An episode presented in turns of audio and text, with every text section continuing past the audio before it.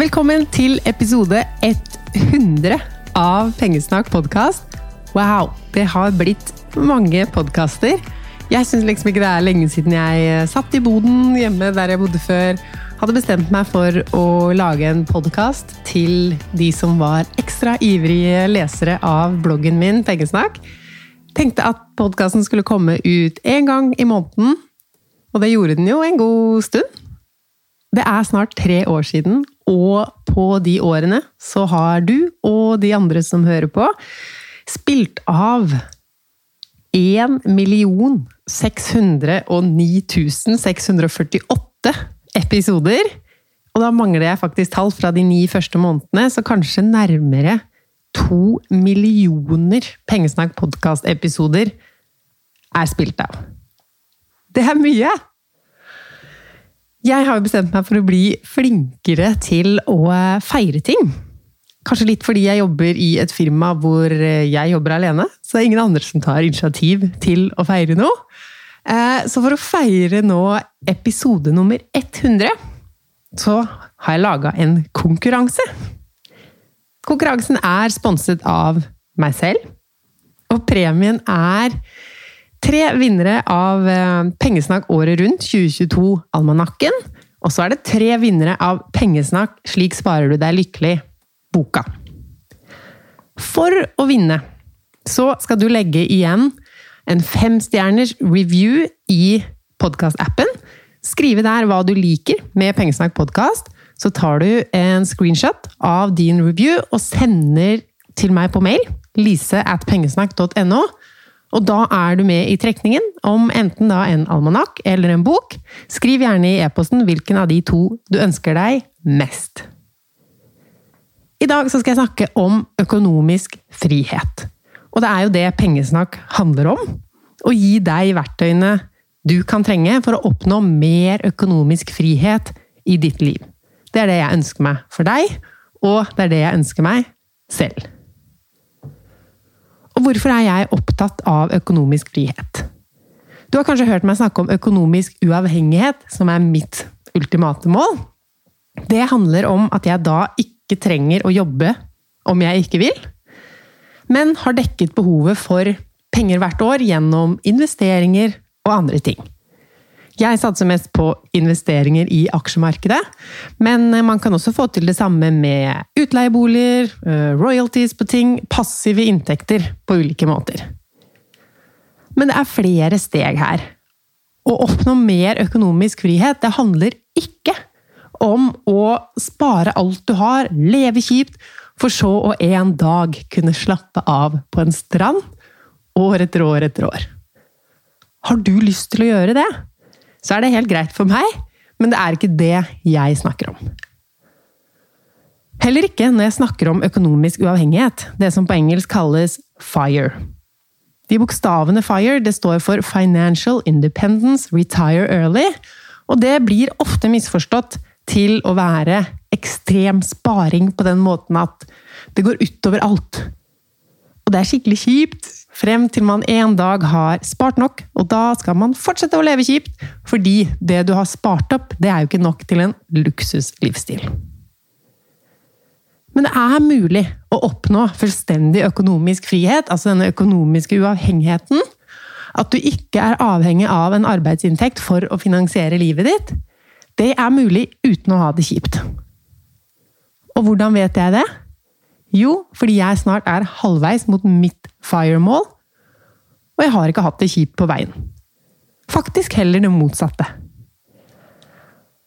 Å tenke på den måten at hver gang jeg skal bruke penger, så velger jeg mellom å bruke pengene der og da på noe som er herlig. Jeg gidder jo ikke å bruke penger på ting som ikke gjør meg lykkelig. Så det som skal brukes, det må brukes på noe bra. Men da kan jeg altså velge å enten bruke penger på noe bra her og nå, eller spare dem til fremtidig frihet. Og det er jo å velge mellom to goder. Og det tankesettet har gitt meg mye. Så framfor å tenke at jeg nekter meg ting jeg har lyst på nå, fordi jeg er så kjip og jeg sparer til noe langt der framme i tid som jeg ikke vet om jeg lever til å nyte engang. Sånn tenker jeg ikke. Så det jeg vil i dag, er å åpne øynene dine litt mer for økonomisk frihet i ditt liv. Helt uten at det går på bekostning av noe. Uten at det er ekstremsvaring. Uten at du skal slutte å jobbe når du er 40. Hvis det ikke er det du vil. Og grunnen til at jeg vil introdusere mer økonomisk frihet for deg altså Dette er jo ikke nytt, alle de andre 99 episodene av Pengesnakk podkast handler jo også om det samme. Mer økonomisk frihet til deg og meg. Det er det jeg vil inspirere til og gi deg verktøy til. Og det er jo fordi det gir økt livskvalitet. Og det er flere steg her. ikke sant? Jeg er jo så heldig at jeg aldri har hatt økonomiske problemer. Men sliter du med penger, så sliter du snart med alt. Fordi penger er så forbaska viktig i den verden vi lever. Vi kan bare ikke velge å ikke forholde oss til penger. Vi trenger penger for å bo, for å spise, for å gjøre ting vi ønsker, for å forsørge familien vår, kanskje. Og om du syns at økonomi og penger er noe dritt, så er det kanskje ikke så rart. Fordi det er noe dritt når pengene styrer deg, og hva du har muligheten til å få til, mer enn du styrer pengene. Og det påvirker deg negativt på så mange måter etter hvert at det er ikke noe overdrivelse å kalle det redusert livskvalitet. Så første steg for å oppnå mer økonomisk frihet er jo da å komme seg til et stadie uten økonomiske problemer og bekymringer. Og der er dessverre ikke min kompetanse den aller høyeste. Det får jeg bare innrømme. Eh, for jeg kan jo si at det er enkelt å leve på et lavt budsjett, og jeg kan leve etter svarene man får i sånn fattigdomskalkulator, men jeg kan ikke sette meg inn i hvordan det er å ikke ha mer. Altså ikke ha muligheten til å bruke mer. Ikke ha en bufferkonto. Ikke sant? Jeg kan finne klær og utstyr til barna mine brukt, fordi jeg syns det er fint miljømessig. Jeg syns det er spennende, litt gøy. Men det tar jo også mer tid enn å kjøpe alt det de trenger til vinteren, f.eks. på kjøpesenteret. Så la Hvis jeg skal tenke meg da at jeg var fattig, kanskje jeg var alene med de to barna, og jeg hadde hatt en jobb fra åtte til fire, måtte hente og levere eh, før og etter det. Og hvis jeg hadde hatt lite penger å rutte med, og den tidsklemma mer, når skulle jeg da ha sittet på finn.no eller byttesider på Facebook for å finne en vinterdress til hver av til under 200 kroner? Og når i all verden skulle jeg få henta det? Kanskje jeg ville tenkt at det er flaut at barna mine bare har brukte klær. Det kan jeg se for meg at jeg ville gjort hvis jeg var fattig. Men siden jeg er rik, relativt sett, eller på mange måter egentlig, så syns jeg det bare er kult. Og jeg setter gjerne lapper på knærne. Eh, det er ofte knærne på barneklærne, og så er det albuene på mine klær. Jeg setter gjerne lapper for at knær, de um, klærne skal vare lenger. Og det hadde jeg kanskje ikke syntes var så kult om jeg var fattig. Og da hadde jeg kanskje heller bestilt nye klær på nett som igjen da går utover økonomien, og som gjør at jeg må tenke meg enda mer om, også på matbutikken, for å få det til å holde. Bekymre meg for om noe skjer med bilen. Så derfor Hvor vil jeg med det her? Jo, jeg kan leve med lite fordi jeg gjør det for moro skyld. Jeg finner igjen glede i å på mange måter i livet senke utgiftene. Og det kan bare ikke sammenlignes med å ikke gjøre det valgfritt, men å ikke ha muligheten til å bruke mer. Neste stadie da, på vei mot mer økonomisk frihet, det er kanskje der folk flest er. At pengene ikke er noe som gir bekymring, iallfall ikke hver måned, men at de heller ikke spesielt er en kilde til glede. De bare er. Altså, vi kjøper ting, betaler kanskje ned på et boliglån, og er vi ordentlig flinke, så ligger vi litt i forkant og sparer til neste års ferie. Og denne gruppa Er det ikke fint å bare kunne sette mennesker i bås? Kanskje du tilhører denne gruppa. Altså, du tenker på økonomi og penger veldig ut ifra måneden. Altså, det er lønn, det er utgifter, og det er nok til forbruk fram til neste lønning. Og da har jeg to ting å snakke med deg om som jeg tenker vil gi deg mer økonomisk frihet om du tar de Det blir vel tankesett, riktig å kalle det, i bruk nå. Og det første det er å tenke på verdi, og ikke på saldo. Og så er det å ikke tenke måned til måned på økonomien din. Og de henger litt sammen også, jeg skal forklare nærmere. For med det så mener jeg Når du vurderer å bruke pengene dine, eller en del av dem, på et eller annet, hvordan tenker du da på om dette kjøpet vil være verdt det for deg? Jeg har råd til det, er ikke et gyldig argument her. For selv om du har råd til å kjøpe en container med tulipanløk fra utlandet, så betyr jo ikke det at du skal gjøre det. Iallfall ikke om du ikke har hage. Altså, å ha råd til noe er ikke et argument for å kjøpe noe. Jeg vil i alle fall at du skal ha bedre grunner enn det. Men det at du ofte tenker på økonomien din som en greie som går fra lønn til lønn, og da blir jo selve målet, målet på økonomisk suksess, blir at det ikke er tomt før lønning. Hvorfor skal du da ikke kjøpe hva som helst du har råd til, når målet på suksess er å ha nok til neste lønning? Så da tenker jeg at vi må sette et nytt mål for suksess. F.eks. at din totale formue skal om ett år være større enn det den er i dag. Og det kan du få til på mange måter. Når vi snakker om total formue, så handler ikke det bare om å ha mer sparepenger i banken, men det kan også handle om å ha mindre gjeld. For den totale formuen, det er jo alt du eier, minus alt du skylder. Finn ut det tallet. Kanskje er det et negativt tall, og at første mål blir å komme seg til null. For jeg tenker at om, hvis du om tolv måneder, ett år, hvis du har like mye lån like tom sparekonto, så er jo du like rik eller fattig, alt ettersom hvordan man ser det. Du har like mye, da, dagen før lønning som dagen etter lønning. Og jeg sier det igjen, fordi det strider litt imot følelsene våre, eller hvordan vi oppfatter det.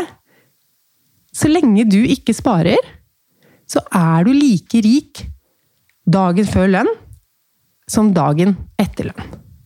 Så da lurer jeg på Bruker du penger annerledes dagen før lønn enn på lønningsdag? Eller for å snu det, bruker du penger annerledes på lønningsdag enn dagen før? For det er det jo egentlig ingen grunn til. Og hvis det var du som nå tenkte det er lett for deg å si, som aldri har hatt tom konto Nettopp, sier jeg da. Nettopp derfor er det lett for meg å si. Så hva skal vi gjøre da? Istedenfor å tenke på om vi har råd til å invitere vennene hjem på sushi, syns vi at det er verdt det. Hva er alternativene? Hva får vi igjen for det vi betaler? Og kan vi sette det opp mot noen andre ting? Altså Først kanskje reelle alternativer. Hjemmelaget mat, eller å spise ute. Det er kanskje et dyrere og et billigere alternativ. At det med å invitere på takeaway-mat er noe imellom der. Eh, kanskje har vi ikke tid eller lyst til å vaske opp. Det er ulike grunner til at vi tar valg. Men er det verdt det for deg? Kan du også koble det mot prisen på helt andre ting, for å sette det i perspektiv? Eh, nye sko. Da er det det valget du må ta. Nye sko eller sushien. Selv om du har råd til begge deler, sett det litt opp mot andre altså summer du bruker i andre sammenhenger, for å klare å tenke på syns jeg dette er pengebruk som er verdt det for meg. Sett det opp mot lønnen du får, f.eks. Er det verdt å jobbe så og så mange timer for dette måltidet? Og akkurat det her, det er jo noe som har mer med mindset enn med saldo å gjøre. Så fremt det ikke er tomt på konto akkurat nå, da. Fordi tenk Hvis du er styrterik, så må du jo tenke sånn. Da kan ikke du gå rundt og kjøpe alt du har råd til bare fordi du har råd. Da må du tenke på er det her verdt det for meg? Er det dette jeg har lyst til å bruke penger på? Er dette riktig bruk av penger for meg? Skal jeg kjøpe det? Har det her verdi? Og hvis du ikke er styrtrik, så tenker jeg at du heller aldri kommer til å bli det hvis du ikke begynner å tenke sånn. Det var harde ord for penga.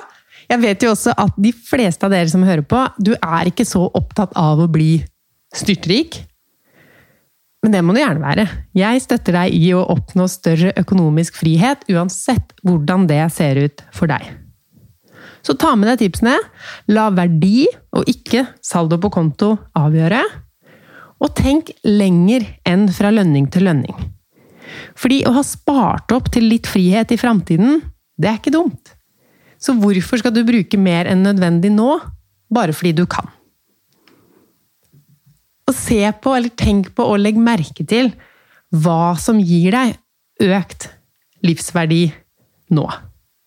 Det er så lett at vi faller i den fella at vi tenker at økt forbruk, det er jo økt glede. Og ja, Lise bruker lite penger på det og det området, ja, da har hun det veldig kjipt. Det er ikke sånn det henger sammen. Å bruke mer penger gjør deg ikke automatisk lykkeligere. Så tenk, ta inn litt andre perspektiver når du tar valg om å bruke eller å ikke bruke. Men ok, neste fase. Neste fase av å oppnå mer økonomisk frihet, altså når du ikke har økonomiske bekymringer, når du klarer å se lengre frem i økonomien din enn neste lønn, og heller zoome litt ut og se det fra et større perspektiv og ha med framtiden inn i bildet, du har vent deg til å tenke på hva som er verdt å bruke penger på nå. Altså, det er jo penger som kunne vært spart til fremtidens deg. Det der med å velge mellom to goder. Da kommer vi til det som blir eh, steg tre her, da. Og det er det steget jeg er på. På vei mot økonomisk uavhengighet. Altså enda større grad eh, av økonomisk frihet. Og her handler det om tre ting. Tre ting som setter opp farta på din formuebygging. Det første er å bruke mindre penger. Og det har du kanskje trent opp i steg to allerede, så jeg skal ikke si så mye mer om det. Det er jo mange måter å bruke mindre penger på. Budsjett er én metode. Å ha automatiske sparetrekk på lønningsdag, altså i starten av måneden, det er en annen. Jeg vil jo si det er ikke forbudt å fokusere måned til måned når vi prøver å kutte kostnader. Men tenk også på om det er relevant eller riktig for deg å tenke måned til måned. Hvis du skal finne ut av ditt eget matforbruk, f.eks., så kan det være en game changer å heller følge med uke til uke enn måned for måned. Hvis du har et månedsbudsjett på mat på 6000 kroner, det er mye enklere å følge med underveis om du heller sier 'jeg har et ukesbudsjett på 1500'. Så bruke lite er eh, del én, og neste er å tjene mer. Det er ikke lenge siden jeg lagde en film med masse tips til å tjene mer. Jeg linker til den i episodebeskrivelsen her i eh, podkasten. For det er mange måter å tjene mer. Det kan handle om eh, bytte jobb, finne måter å tjene mer i den jobben du er. Kan være å jobbe mer i enten nåværende jobb eller i en annen jobb. Det kan handle om å starte sin egen business eh, ha noe du driver på si, eller bytter til noe på fulltid. Bygger opp passive inntektskilder. Mange, mange muligheter. Det siste av de tre tingene, det er jo å gjøre noe smart da, med det månedlige overskuddet. For hvis du er i en jobb, og du får lønn hver måned, du jobber med å øke inntekten din hver måned, samtidig som du jobber med å minske forbruket, tenker på fremtidig frihet, og fremtidig frihet, det er jo egentlig frihet her og nå. For jo mer penger du har spart opp, jo flere muligheter har du til å gjøre noe annet enn det du kanskje hadde planlagt. Og du har mer trygghet. Det kan skje uforutsette ting som ikke vipper deg av pinnen. Fordi du sparte opp til det lenge før du visste hva det var som skulle skje. Det er frihet! Og hva er det å gjøre noe smart med overskuddet? de pengene du vil spare. Det kan være å ansette dem. Altså å få pengene dine til å jobbe for deg. For noen par episoder siden så var det en episode om fond, investering i aksjefond. Så hør på den hvis du er grønn på fond og vil ha en litt sånn eh, basic innledning på hva dette med investering er, og om det passer for deg. En siste ting, da. På din eh, økonomiske reise, eller reisen mot mer økonomisk frihet, så har jeg en påminner. Og det er jo rett og slett det at dette er din reise. Vi snakker om din økonomi. Og jeg vil ikke at du skal bry deg så mye om hva andre mener er riktig rekkefølge å gjøre ting i. Selv ikke jeg. Selv om jeg sitter her og prater. Hvis du tenker når jeg sier noe Nei, det der passer ikke for meg i det hele tatt, jeg vil heller gjøre det sånn, så syns jeg det er kjempebra. Fordi da har du tatt et aktivt valg om hva du mener passer for deg. Jeg snakker jo om hvordan jeg gjør ting, eller hvordan jeg tenker det vil være en smart måte å gjøre det på for andre. Men vi er så forskjellige at det er alltid en risiko da, når man beskriver en rekkefølge eller sier hva som er smart, at det skaper en hva heter det? Decision fatigue. At man har så mange valg, eller det skal helst være så riktig, at man faktisk ikke begynner med noe. Men det som er så bra med personlig økonomi, det er jo at alle monner drar.